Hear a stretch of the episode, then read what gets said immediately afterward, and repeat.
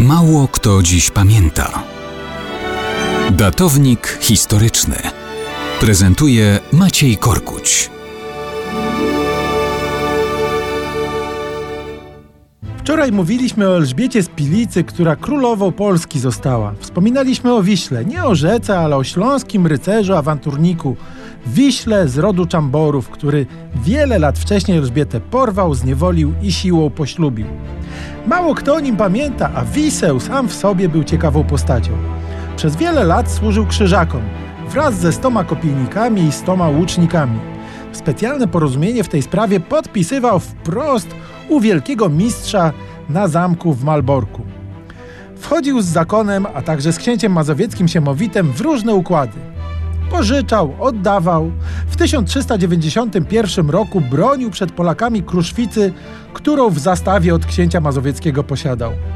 Już było to po tym, jak czeski rycerz Jan Zicina wyrwał z jego łap piękną Elżbietę i sam z błogosławieństwem króla Jagiełły ją poślubił. Wiseł się z tym nigdy nie pogodził. Poprzysiągł zemstę i od tej pory miał na pieńku z Janem Zicina. I nie tylko z nim. Walczył także z wojewodą poznańskim Bartoszem z Odolanowa. Ten także prowadził burzliwy żywot, ale wówczas był już statecznym i ważnym urzędnikiem na służbie u Jagiełły. Pojmał Wisła i osadził w Lochu. Stamtąd próbował Wisła odbić jego zaprzyjaźniony książę Siemowit, ale ustąpił grzecznie, jako że groźnie przywołał go do porządku sam król Jagiełło. Stąd Wiseł na wolność wyszedł dopiero po pokornym opłaceniu pokaźnego okupu. I znowu zaczął się szarpać o odzyskanie ręki Elżbiety, wciąż szukając okazji także do zemsty na Janie Zicina. Ale ten również nie zamierzał czekać z założonymi rękami. Koniec 1393 roku.